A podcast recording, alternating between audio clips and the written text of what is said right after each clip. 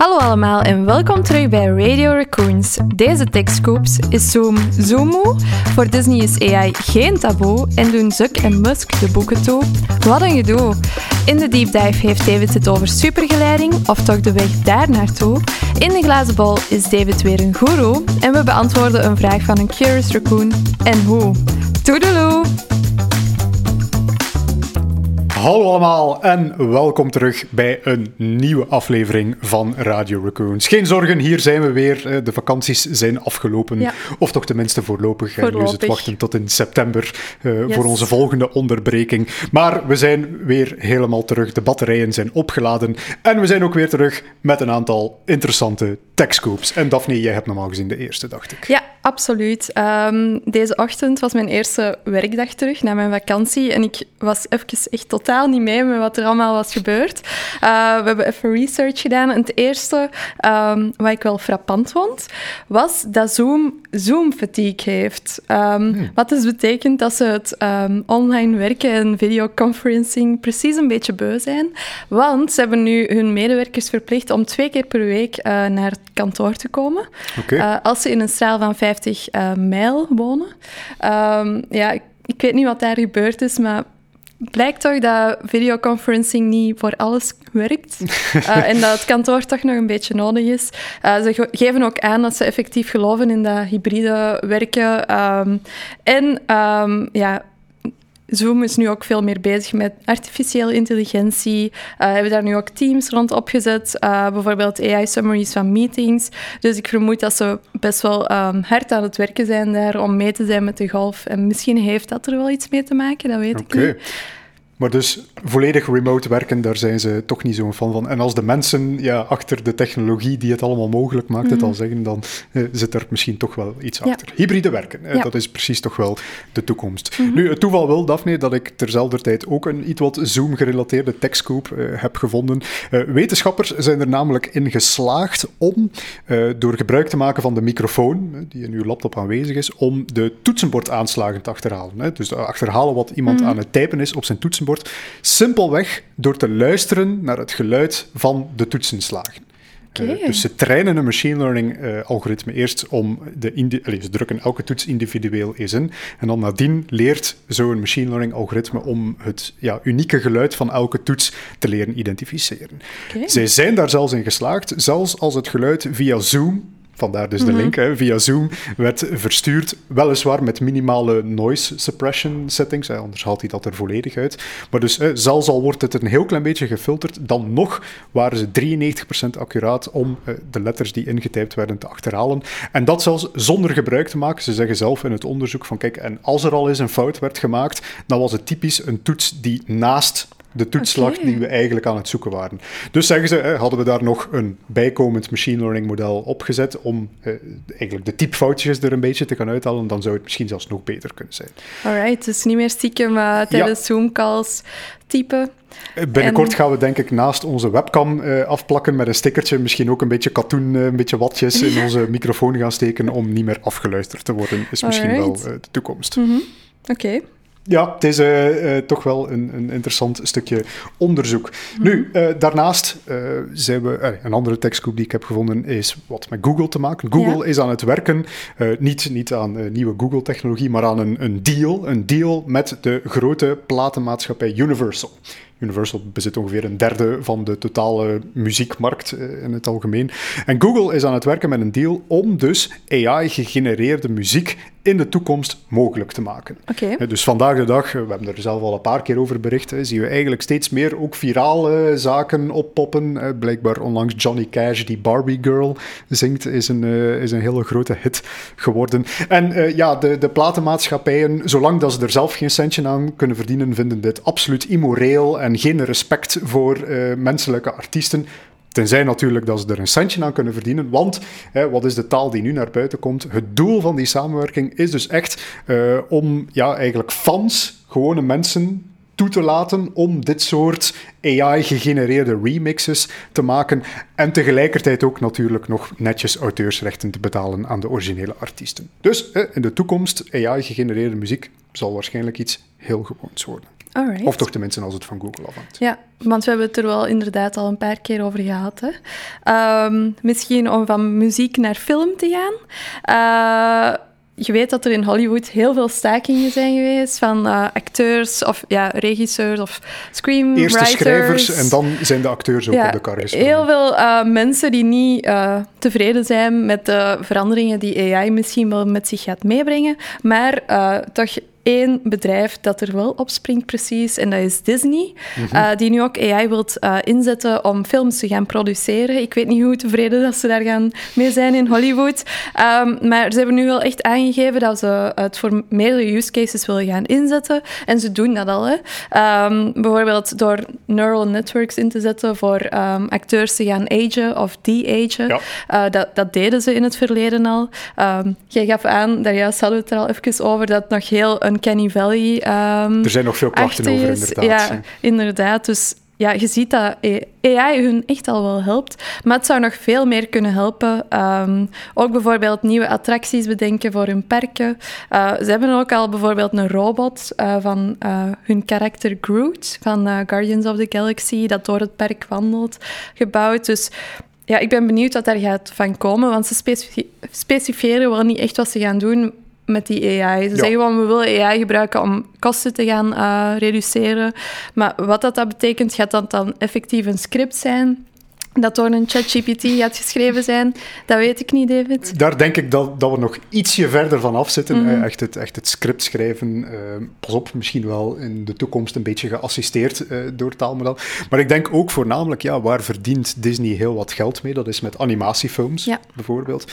Animatiefilms, animatie in het algemeen, is toch wel wat makkelijker te faken uh, om na te bouwen dan, dan ja, echte beelden. Wij mensen, we zijn heel goed getraind om, om echt van vals ja. te onderscheiden. Vandaar ook die klachten over die aging. Dat ziet er een Zo, beetje het, fake uit. Het ziet dan, er echt uit, maar ja, niet echt. Zo. Niet echt ja. ook. En zoiets heet trouwens de Uncanny Valley. Mhm. Mm -hmm. Als wij een, een robotje maken, de mensen die op YouTube kijken zullen het robotje hier misschien net niet kunnen zien in mijn blikveld, maar de. Pepper-robot, die heeft zo van die hele grote ogen. Die ziet er niet menselijk uit, maar die vinden we schattig.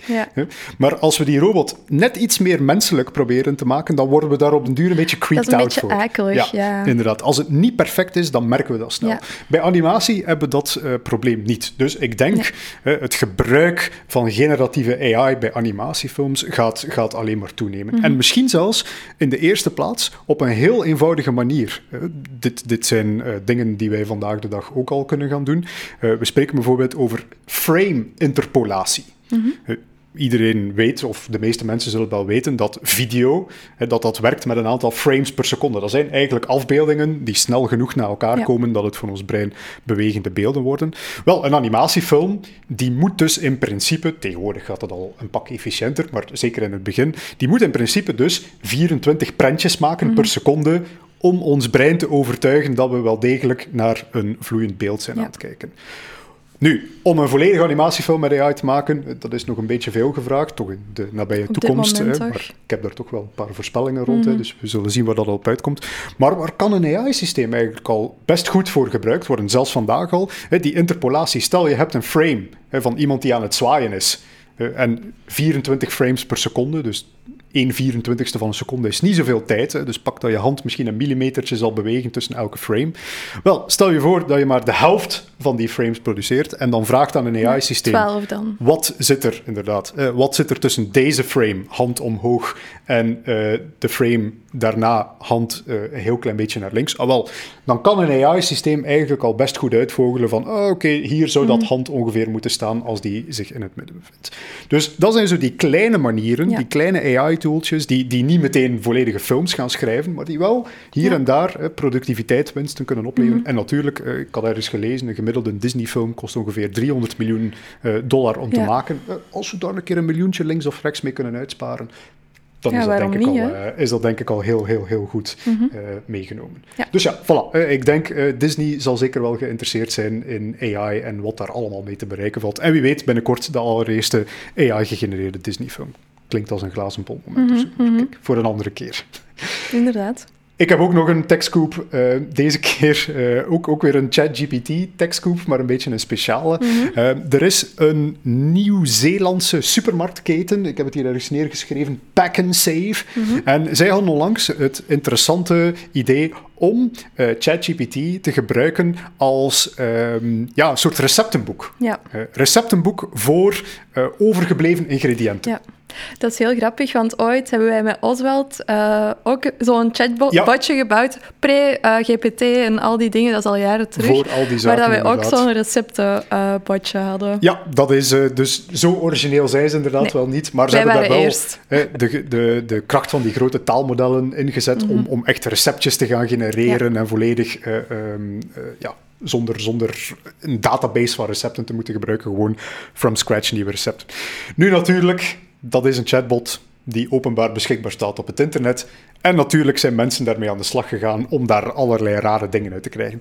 Maar wat blijkt, ja, je moet daar toch niet zoveel je best voor doen. Hè. Er is iemand daarmee aan de slag gegaan. En wat blijkt, als je die wat interessante ingrediënten meegeeft, dan maakt hij daar ook geen enkel probleem van. En dan gaat hij daar ook allerlei interessante gerechten eh, mee gaan maken. Vertel. Eh, stel je voor bijvoorbeeld dat je zegt van, ah, ik heb een, een, eh, nog een flesje rattenvergif liggen, dan gaat hij je perfect een recept geven van zo maak je een broodje rattenvergif. Ja. Maar de leukste zelf vond ik bijvoorbeeld iemand die zegt van, ah, ik heb nog wat ammoniak en eh, bleekwater eh, bij mij liggen. Eh, voor de mensen die het niet zouden weten, ingrediënten om mosterdgas te maken. Dus gooi die nooit zomaar samen in je keuken of je gaat nare gevolgen hebben. Wel, ehm, ja, die, die chatbot daarvan, die ziet dat als interessante gerechten om aromatisch water te maken. Aromatisch water. Het klinkt wel heel goed. En die geeft echt eh, dan nog eens ook een, een receptje die zo'n beetje puns maakt eh, over, over wat je Oh precies aan het creëren bent. En ja, de, als je dat recept volgt, dan maakt je mosterdgas en is iedereen dood. Dus eh, kijk, moraal van het verhaal misschien een beetje, los van het feit dat het een interessant nieuwtje is, toch een beetje opletten met eh, chatbots gebaseerd op taalmodellen op het internet zetten, want eh, mensen kunnen Ja. daar toch wel rare dingen mee doen. Ja, en aromatisch water. eh, Aromatisch water maken en zichzelf per ongeluk vergassen. Ja, oké. Ehm, wel een toffe, maar inderdaad, wees voorzichtig. Eh, het laatste voor vandaag, qua tekstcoops dan, is iets waar we het natuurlijk al over gehad hebben. En ik denk dat het ook het laatste is wat we erover gaan zeggen, tenzij Zeg nooit nooit. dat er nog iets gaat gebeuren, maar het lijkt wel eh, gedaan te zijn. Het gaat natuurlijk over de cage match tussen Zuck en Musk. Ehm, het leek er even op dat die toch ging doorgaan. Maar ja, het laatste is nu precies gezegd geweest. Ik heb het even opgeschreven, want ik heb dat allemaal niet gevolgd tijdens mijn vakantie. En David wist mij deze ochtend te zeggen van... Daphne, je gaat alles veel gebeurd. kunnen vertellen. Ik heb Twitter, of ja, X, eh, gecon- gecontacteerd. Eh, ik heb eh, verschillende ehm, websites bekeken en ik ga het jullie vertellen wat er is gebeurd. Alright, hit me. Oké, dus het ging allemaal doorgaan, of het leek wel zo te zijn. Musk stelde het al voor om het te livestreamen en dan dat geld voor charity, een goed doel, te schenken.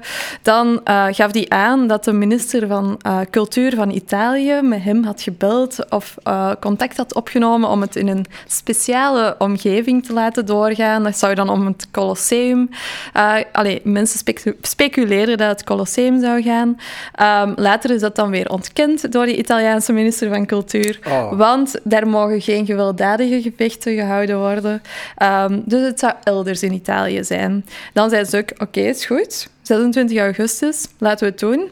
Musk zei dan, dan van, oh, ik moet morgen onder de MRI, want mijn nek en mijn rug... Ja, het kan zijn dat ik geopereerd moet worden.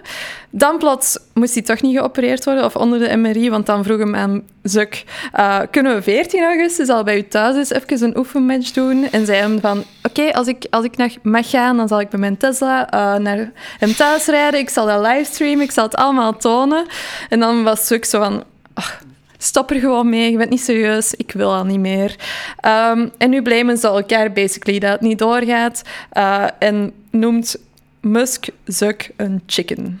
Oh, Dus dat is waar dat ongeveer is gestrand. twee van de rijkste mensen ter wereld. Waar zijn is- die hele dag mee bezig, vraag ik dit, is, af. dit is soapmateriaal dat je echt, Echt? niet kunt verzinnen. Dat Eigenlijk. is toch, dat is toch niet normaal? Eh, ik, en ook zo... Nee, hij is niet serieus, ik wil al niet meer. En dan, ja... Of hoe miljardairs ook een beetje kleine kinderen kunnen zijn. Ja, Zeker als je de discussie op het internet volgt, dan gaat je helemaal Oh. overtuigd zijn. Ja, en er zijn nog een paar tweets die dat ik liever niet wil eh, uitspreken op, op ons podcast. Maar je moet gewoon eens naar Musk zijn, eh, zijn X-profiel gaan en dan zult je het wel zien. Ehm, hij heeft van alles getweet toen ik op vakantie was. Het was eh, een leuke ochtend voor mij, laat ik het zo zeggen. Ja, de, en de- kijk, hopelijk, ik, ik verwacht... Ik denk dat het toch niet meer lang zal duren eer dat iemand een spelletje zal uitbrengen waarin dat je virtueel Ja. Zuck en Musk tegen elkaar kunt laten vechten. En eh, Ogen open houden. Denk ik dat het echt nog gaat gebeuren.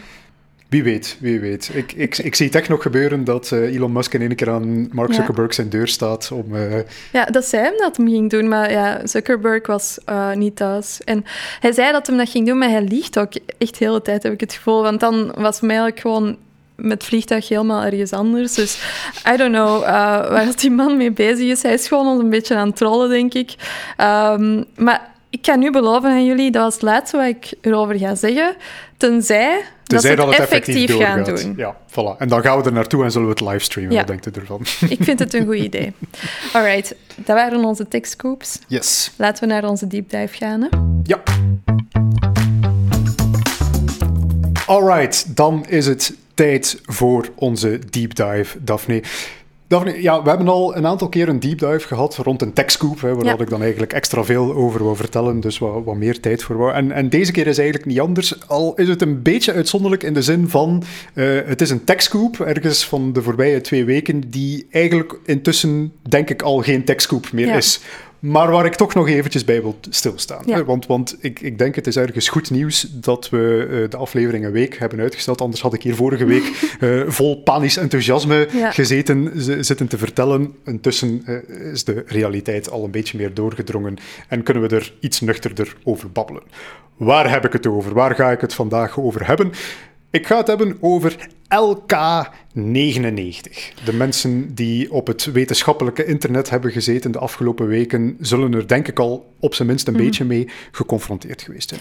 Ik alleszins niet. Ik wist echt, en nog altijd niet trouwens, waar David over bezig was. Heb jij op Dus- vakantie in Malta geen nieuws gekregen over eh, supergeleidende materialen? Nee, ah, jammer, jammer, jammer. Nee. Kijk, Daphne, je moet wel een beetje meeblijven op Ja, ik vakantie. weet het. Nee, ik weet het. Ja, ik, ik weet niet eens wat supergeleidende dingen zijn. Dus eh, leg het mij alsjeblieft Voilà, uit. we, gaan, we gaan er eens in vliegen. Ik heb het eh, magische woord inderdaad al gebruikt. Supergeleidende materialen, daar gaat het vandaag over.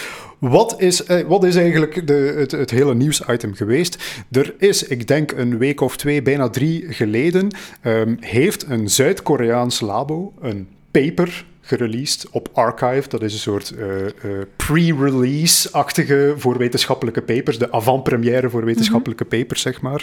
Eh, een pre-release gedaan van een paper met de titel The First Room Temperature Superconductor. De eerste supergeleider op kamertemperatuur. Sexy titel.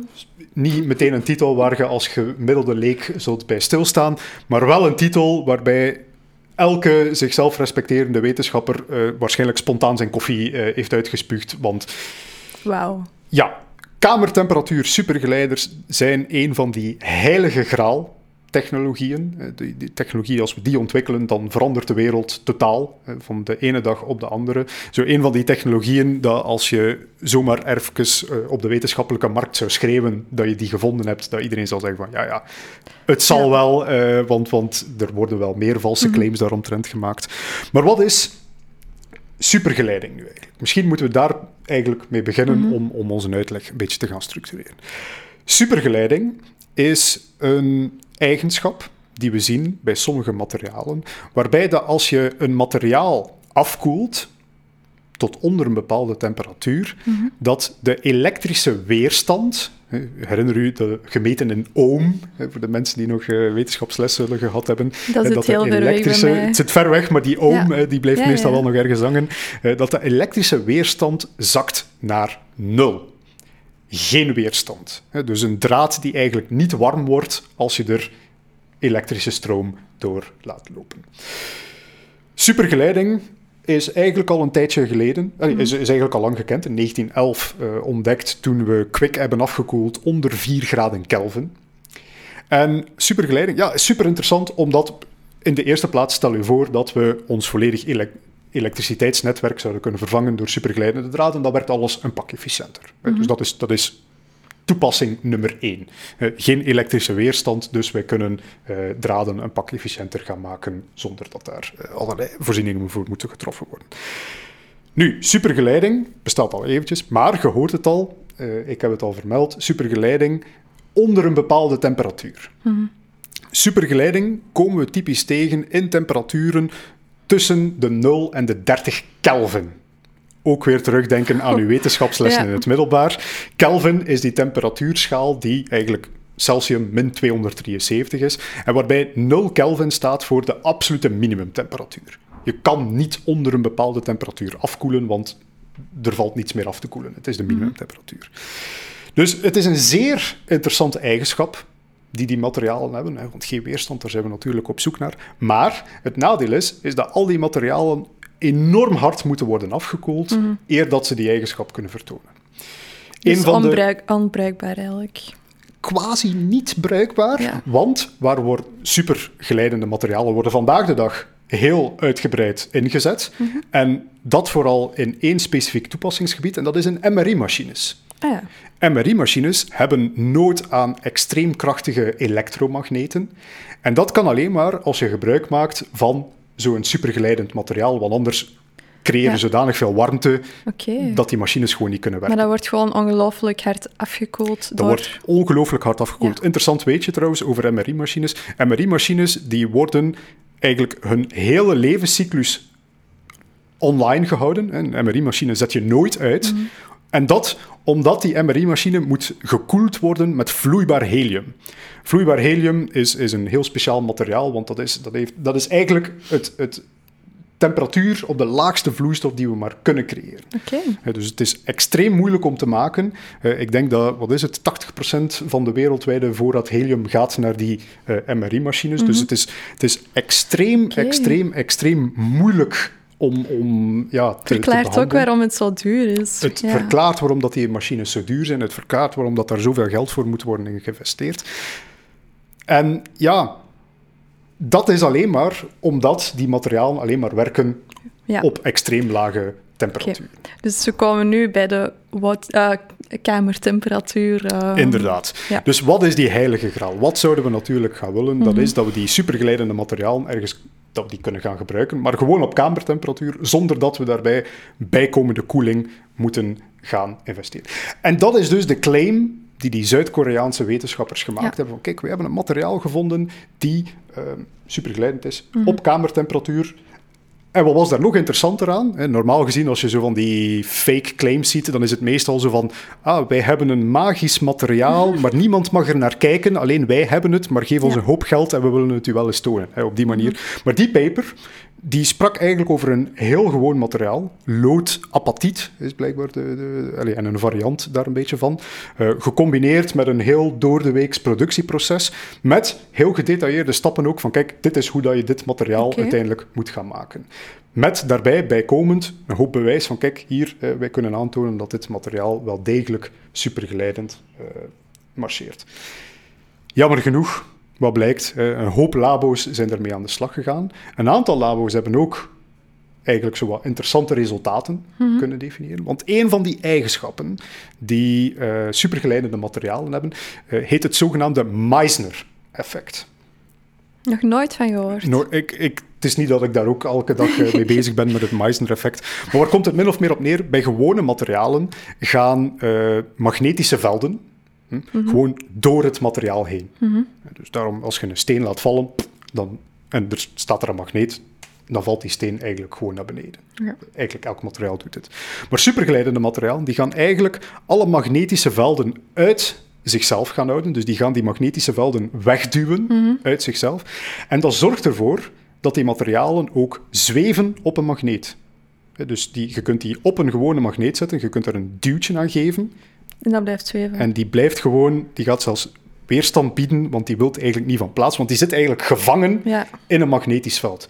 Dit wordt bijvoorbeeld ook gebruikt in maglev-treinen. Ik weet niet of je daar ooit van gehoord hebt. Dat zijn die hoge snelheidstreinen die zijn in Japan, eh, Mhm. waar Japan Ah, ja. heel bekend voor is. Wel, die maken gebruik van dat effect om hun, ehm, ja, hun treinen te laten rijden. Oké, dat zijn supergeleiden. Allee, dat, is, Dat zijn supergeleidende ja, magneten, maar het nadeel is, hè, die moeten dus Gekoeld worden. gekoeld worden doorheen het hele traject, waardoor dat het dus weer een hoop geld kost. Ook weer zo een van die toepassingen daarvan. Mhm. Eh, maar wat bleek, hè, een aantal van die labo's die dat repliceerden, die zagen dus effectief, ik heb filmpjes gezien en toen dacht ik echt van, oké, nu, nu het is is, het zover. nu is Ja. het gebeurd. Hè, van kleine stukjes materialen die ook aan het zweven waren.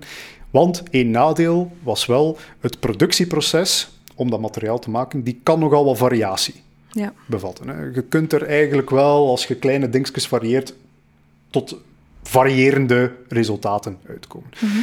Dus hè, er zijn nu een aantal labo's die gezegd hebben van kijk, wij zien helemaal niets. Er zijn een aantal labo's die gezegd hebben van oh, wij zien supergeleiding, maar op een veel lagere temperatuur. En er zijn een aantal labo's die gezegd hebben van kijk, oh, wij, wij lijken toch wel iets te zien die in overeenstemming is met wat er uiteindelijk eh, door dat Zuid-Koreaans labo eh, geclaimd wordt. Ja. Er is een Chinese paper intussen uitgekomen, ik denk een zestal dagen geleden, die een verklaring heeft voor het fenomeen dat gezien wordt, maar die eigenlijk niets met supergeleiding te maken heeft. Dus dat, dat zou een beetje de doodsteek kunnen zijn van kijk, er is een verklaring voor het feit dat, dat, dat we dat zwevend Meissner-effect zien. Maar eh, het is nu uiteindelijk nog wachten op een labo in Zuid-Korea die het originele materiaal van allee, het, het, het- een instituut in Zuid-Korea Ja. die het origineel materiaal van dat labo gekregen heeft. Mhm. En zij zijn daar nu testen op aan het doen, om te zien van, is er effectief supergeleiding in aanwezig? Maar het is dus wel een beetje in the air wat er zou gebeuren zijn. Alright, oké. Veel gebeurd, precies toen ik op vakantie was. Het is, eh, Ehm, de wereld heeft even in brand gestaan en ja. dan hebben we gezegd van, ah, Toch misschien niet. toch niet deze keer. Oké.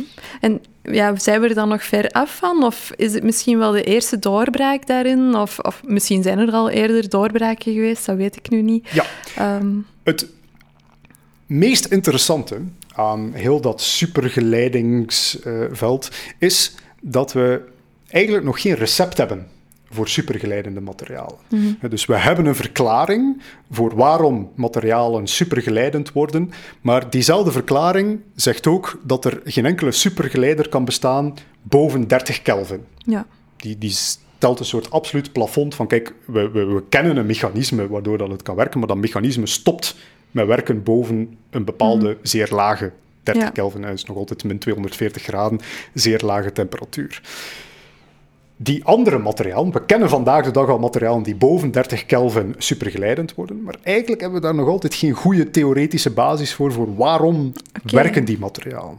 Dus dat is het interessante Dus het kan, maar je weet gewoon nog niet waarom dat Ja. het kan. Ja, niemand heeft bewijs.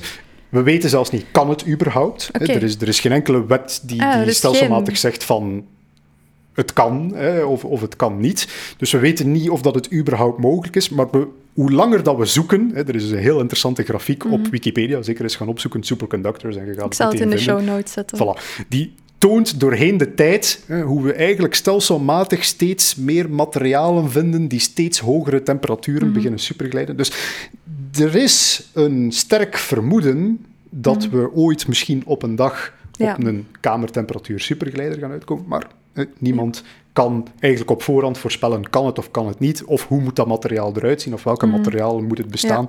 We weten het niet. Ja, dus als we ergens naar de ruimte gaan en we vinden daar een nieuw materiaal, dan testen ze dat waarschijnlijk altijd voor eh, supergeleiding of zo.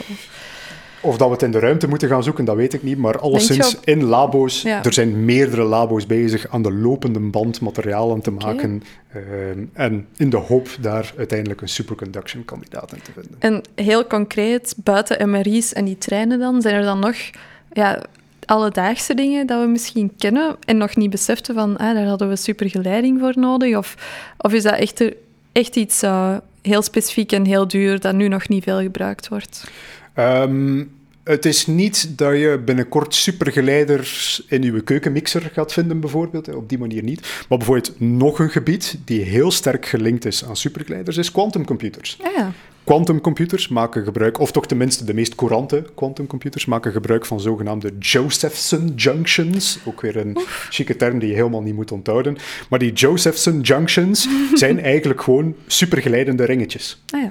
En het is een van de redenen waarom, als je ooit al eens een foto hebt gezien van een quantumcomputer, dat is zo'n zo lang uitgerekt ding, 90% van die quantumcomputer is ook gewoon weer een koelkast. Ja. Is ook weer afkoelen naar absolute, allez, bijna absolute nul Kelvin, om dan pas die computer te kunnen laten werken. En dat komt omdat die Josephson junctions werken via supergeleiding. Oké, en stel dat dan... eh, stel, het was toch gebeurd, eh, het was toch echt... Ja. Had dat dan een versnelling in quantum computing gebracht of had dat niet echt uitgemaakt? Eh, Ik denk het wel. Ik denk dat we dan een, een, ja, een redelijk goed kandidaatmateriaal zouden hebben om quantumcomputers te gaan bouwen die kunnen opereren op veel hogere temperaturen dan voordien. Eén nadeel die toen al gepresenteerd was, was wel dat eh, het materiaal weliswaar supergeleidend is, maar dat het niet bijzonder veel capaciteit heeft. ja. Dus je kunt er niet veel stroom doorsturen, waardoor dat het ook weer niet geschikt zou geweest zijn voor andere toepassingen. Maar hè, wat, was wat was de hoofdbron van de excitement? Zelfs al is het een slechte supergeleider op kamertemperatuur, eens dat we er één weten, eens dat we dat ene materiaal kunnen bestuderen, kunnen we misschien meer leren en kunnen we andere materialen gaan produceren die eigenlijk eh, nog veel beter presteren dan hetgeen dat we gewoon toevallig als eerste hebben ontdekt. Een beetje, eh, ik, ik hoopte hier nu te kunnen zitten van, dames en heren, de, de wereld gebeurd. gaat veranderen Nee. eh, in de komende vijf jaar. Het ziet er, ik zou het nog niet al mijn spaargeld erop inzetten. Het ziet er niet zo goed uit. Maar kijk, de toekomst van supergeleiders blijft toch wel iets heel interessant om in de gaten te houden voor mij. En ik heb hier iets bijgeleerd. Ik kende er echt nog niks van. Eh, ik had waarschijnlijk de headline gelezen en gedacht van... kan me echt niet schelen, maar eigenlijk is het wel super interessant. Dus eh, merci voor uw uitleg, David. En eh, we zullen jullie zeker op de hoogte houden als het toch zou gebeuren. Als de wereld toch gaat veranderen, dan ja. zullen jullie het als eerste weten. Maar we zullen direct ook eens in uw glazen bol kijken en zien wat de toekomst nog gaat brengen, hè, David? Yes. Dus, David, waarschijnlijk geen eh, voorspelling over supergeleiding vandaag, maar toch een andere voorspelling voor de toekomst? Ja, ik eh, heb eens zitten nadenken eh, om, om eens een niet-AI-gerelateerde voorspelling te gaan doen en dan eens gaan zoeken van welke technologieën zouden er mogelijk nog interessant kunnen zijn. En ik ben weer teruggetrokken naar de metaverse. Ja. Eh, metaverse, of welke naam je het ook wilt gaan geven. Ik, ben zitten, ik heb zitten nadenken over de mogelijke killer-app voor augmented reality. Ja. In een toekomst waarin iedereen met een augmented reality bril gaat rondlopen. Wat voor applicaties zouden we daar precies op kunnen gaan zien? Ik heb al gesproken over een memories-functie, waarbij dat je een foto neemt en dat je dan eigenlijk terug in die omgeving kunt gaan lopen. Ik zie nog een andere mogelijke killer-app en dat is AR Graffiti. Oké. Kun je je voorstellen dat in de toekomst iedereen met een AR-bril rondloopt? We gaan er een tijdlijn op plaatsen, ik zeg ergens in de komende tien jaar. En waarbij dat je dan eigenlijk ook in het straatbeeld allerlei kunstwerken en graffiti-werken ziet verschijnen. Graffiti-kunstwerken kan ook Ja. natuurlijk. Eh, Graffiti-kunstwerken zijn verschijnen, die daardoor andere mensen zijn aangebracht en die dus ook op dezelfde plaats blijven staan. Eh, Dat is een beetje de toekomst die ik mij voorstel, waarbij dat je dus overal waar dat je kijkt, eh, tags gaat kunnen terugvinden die daar achtergelaten zijn door andere mensen. En zo eigenlijk op een soort eh, economisch en maatschappelijk vriendelijke manier aan graffiti te kunnen gaan doen. Alright. Dus is het toekomst van AR of de toekomst van graffiti? Je mag het zelf gaan invullen, maar dat is dus mijn glazen bol deze week. Oké, ik ben benieuwd of dat, eh, gaat uitkomen, maar ze luisteren naar onze podcast. Hè, dus Ongetwijfeld, ongetwijfeld. ongetwijfeld. Mark Zuckerberg gaat er werk van maken. Ik denk het ook. Merci David om eh, in uw glazen bol te kijken. En dan gaan we een vraag van een Curious Raccoon beantwoorden. Vandaag eindelijk nog eens een eh, nieuwsgierig wasbeertje. Ingrid kon er vandaag jammer genoeg niet bij zijn, maar ik ga haar vraag wel voorlezen. En ik vind het eigenlijk ook wel een heel goede vraag.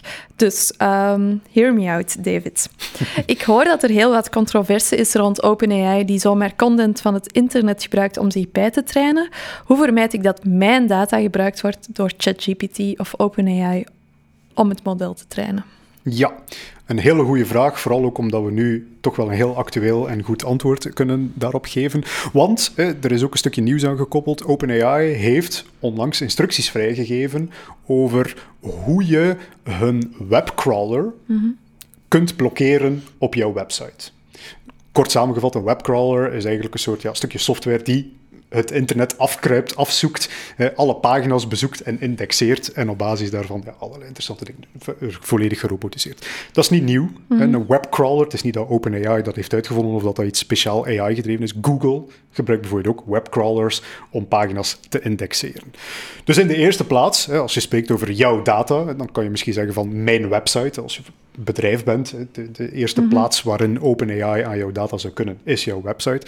Dus dan kan je in het robots.txt bestandje, vraag dat maar eens aan jouw webmaster, die zal dat ongetwijfeld kennen, dan kan je daar eigenlijk een simpel regeltje aan toevoegen van hey, beste um, OpenAI webcrawler, jij bent niet welkom mhm. op mijn website. Mhm. Dus dat kan je bijvoorbeeld gaan doen. Maar natuurlijk, dat garandeert niet dat uw data op geen enkele manier mhm. zal uh, gecrawled worden. Want op uw LinkedIn-profiel of zo kan je dat toch niet doen? Als LinkedIn bijvoorbeeld wel uh, OpenAI webcrawlers toelaat en jij hebt daar een profiel op op LinkedIn, ja, dan wordt mhm. jouw data onrechtstreeks nog altijd gebruikt om uh, AI-modellen te mhm. gaan trainen. Dus uh, het is zeker geen waterdicht systeem. Het is nu enkel voor webmasters uh, om hun eigen website te gaan af, ja. afschermen. De New York Times heeft dat bijvoorbeeld al heel expliciet gedaan. Mhm. maar ja, de data die er op het internet beschikbaar is, is daarmee nog niet volledig beschermd. Ja, en stel, um, ik ben nu ook nieuwsgierig. Stel, uh, je hebt je website, maar die wordt al gebruikt, of werd al gebruikt door OpenAI om hun eerste model te trainen, of, of uh, eh, GPT zoals het nu is. Er is toch geen mogelijkheid, of wel, uh, dat weet ik nu niet, om dat terug te nemen van je mag mijn data niet gebruiken, of wel? Nee, uh, dat is inderdaad nog een beetje de, de open controverse. Het is, het is zeker een vaste manier om in de toekomst te gaan verhinderen. Maar uh, ja, wat als zij in het verleden gaan zij retroactief, als jij nu uh, de webcrawler weigert, gaan ze dan retroactief hun data die zij al hebben van u verwijderen. De kans lijkt mij heel klein. Mm -hmm. En daarbovenop is het ook nog eens een niet perfecte maatregel, want naast data die ze zelf verzamelen van OpenAI met hun webcrawler, maakt OpenAI bijvoorbeeld ook gebruik van datasets. Zoals, we hebben er al eens over gesproken, de pile, mm de, de fameuze hoop, hoop die toch wel wat auteursrechtelijk beschermd materiaal ook bevat. Ook dat is gebruikt door OpenAI. En daar, hè, het is niet omdat jij nu de OpenAI webcrawler blokkeert, dat uw data niet onrechtstreeks in een van die datasets gaat terechtkomen, die dan alsnog gebruikt gaat worden mhm. om uh, AI-modellen te gaan bijtrainen. Ja, en dan is misschien ook de vraag van, moet je je data wel verbergen? Ja, van OpenAI? Ja, zeer, zeer goede vraag. Hè. Het is een beetje... Um, de, de analogie die je kunt maken is van, eh, stel dat je begin jaren 2000 ook zoiets had van, ik wil helemaal niet dat Google uh, mijn website helemaal doorspit met hun webcrawler, ik ga mhm. die blokkeren. En je doet dat op je webshop bijvoorbeeld, wel, dan zou dat eigenlijk niet zo voordelig voor je uitgekomen zijn, want uh, je wordt helemaal niet vindbaar op Google, dus je webshop uh, gaat mhm. eronder lijden. Het zou misschien wel eens een beetje hetzelfde kunnen zijn vandaag de dag. Zeker als het gaat over uw website. Het gaat over publiek beschikbare informatie. Natuurlijk wil je geen mm technische geheimen zomaar ergens laten terechtkomen ja, of persoonlijke informatie of zo. Inderdaad, of persoonlijke informatie. Maar die zou sowieso al ergens afgeschermd moeten zitten. Het is niet dat OpenAI mm daar zomaar aan kan, aan jouw private data. Dus het is eigenlijk misschien zelfs aan te raden voor bedrijven om hun publieke mhm. data te laten indexeren door die taalmodellen, omdat dat ook betekent dat die taalmodellen dan jouw bedrijf zullen kennen. En als taalmodellen, het is nog helemaal niet zeker natuurlijk, mhm. maar als taalmodellen nu het, het, nieuwe, paradigma, de nieuwe manier zou worden waarop mensen met het internet omgaan. Kijk bijvoorbeeld naar Google Bard, een mhm. experiment om uh, ja, de zoekfunctionaliteit meer uh, generatief te gaan maken. Als die taalmodellen jouw bedrijf niet kennen, en jij vraagt bijvoorbeeld, oh, wat zou een goed bedrijf zijn om sneakers te gaan kopen? En, en jouw twee concurrenten zitten er wel in en jij niet. Ja, dan zou je daar misschien ook wel eens commercieel nadeel van kunnen ondervinden. Mhm, dus mhm. mijn persoonlijk advies zou zijn, denk eerst heel goed na over hoe waardevol is die data en hoe hard wil je die data afgeschermd houden, mhm. wetende dat het misschien toch, eh, dat de maatregelen die je treft toch nutteloos kunnen zijn. En weeg dat af tegenover het mogelijke voordeel van de toekomst van het zoekinternet die jouw naam kent en die dat dus ook kan gebruiken in het genereren van antwoorden. Dus ja. het, het, is misschien niet het perfecte antwoord uh, dat je zou willen om uh, hoe kan ik mijn data afschermen. Het antwoord is uh, moeilijk. moeilijk. Ja. en, en het antwoord is misschien en wil je het überhaupt ook? Ja. Maar ja, stof om over na te denken. Stof dus. om over na te denken, yes. Ehm, maar Ingrid, ik hoop dat we wel een beetje een antwoord hebben kunnen bieden op uw vraag. Je kunt uw data vanaf nu of in de toekomst toch een beetje afschermen, maar het zal niet perfect zijn. Ehm, als je daar nog vragen over zou hebben, ja, stuur mij een mailtje of een berichtje. Uh, en andere Curious Raccoons, st- stuur uw vraag gerust in naar ons. Uh, wij antwoorden heel graag op jullie vragen. Dat kan via onze Instagram, uh, radio.raccoons, of via onze website radio.raccoons.be. En dan antwoorden wij op, de, op jouw vraag in de volgende aflevering. Oké, okay, Daphne, dan is het nog tijd voor onze watercooler show-off. En deze keer, Daphne, wil ik graag een van mijn favoriete woordjes uit de wetenschap met jou delen. Oké. Okay. En dat is krabificatie. Alright. Heeft het iets met Ben Krabbe te maken? Uh, nee. het heeft niets met uh, Ben Krabbe te maken. De beste manier dat ik het ooit al heb is horen omschrijven is... Uh, krabificatie is de naam voor de natuur die houdt van krabben. Oké. Okay. Wat is dat precies? Wel, krabificatie is eigenlijk een soort extreme vorm van convergente evolutie. Wat is convergente evolutie? Dat is eigenlijk de natuur die op verschillende plaatsen dezelfde oplossing vindt voor hetzelfde probleem. Alright. Hm? Nu, in tegenstelling tot bijvoorbeeld wat we vandaag zien met honden. Hè, er zijn heel veel verschillende soorten honden, maar alle honden zijn afkomstig van één oerwolf. Zeg maar. mm-hmm. Die zijn geëvolueerd uit één soort en zijn zich dan beginnen ja. Diversifiëren. Krabificatie is eigenlijk het omgekeerde. Dat is, het is tot nu toe geweten dat er minstens vijf soorten uh, schaaldieren, die er totaal anders uitzagen, uiteindelijk door natuurlijke selectie geconvergeerd zijn naar een krabachtige vorm. Ja. Dus wat zeggen veel mensen? Voor de natuur is de krab, de krabvorm, de ultieme oplossing voor alle problemen. En dus allerlei verschillende soorten op allerlei verschillende plaatsen, die er eerst allemaal anders uitzagen, komen er uiteindelijk allemaal uit te zien als krabben. Oké. Okay. Dus eh, als je ooit zoekt naar de toekomst van onze natuur, wel, de toekomst is krap. Krap. Oké, okay, goed om te weten uh, dat we daar lief voor moeten zijn. Alright, merci voor de watercolor show en voor uw favoriet woord met ons te delen. Um, onze aflevering zit er alweer op, maar ik heb wel nog één belangrijke mededeling. En dat is dat wij opnieuw een sessie van de bar, ons event in Leuven, organiseren. Um, en wij hebben Chris Seijen van onze vorige aflevering over de EU-AI-act uitgenodigd als gastspreker. Um, dus als je graag wat meer wilt weten over de EU EU-AI-act. Dat blijft echt een moeilijke. Zeg dat twintig keer Oh, amai. Uh, EU-AI... nee, nee, dat gaat niet lukken. Als je, dat wilt, uh, als je erbij wilt zijn, kunt je gratis inschrijven via onze website. Uh, dat is gewoon thebar.raccoons.be. Ik zal het ook in de show notes zetten. Um, ik zal er ook zijn. En Sam Hendricks ook een... Um, presentatie geven over Q3, wat er allemaal gebeurd is in uh, technologielandschap. En dat gaat ongetwijfeld een super interessante sessie zijn. Dus als ik zo vrij mag zijn om marketing te doen op onze podcast, dan doe ik dat heel graag en nodig ik jullie heel graag uit. Uh, voor de rest nog closing remarks. Curious Raccoon vragen, zend ze in. En dan like, share, comment, subscribe. Doe alles. Alle leuke dingen. Alle leuke dingen. En dan zien wij jullie over twee weken terug. Doei.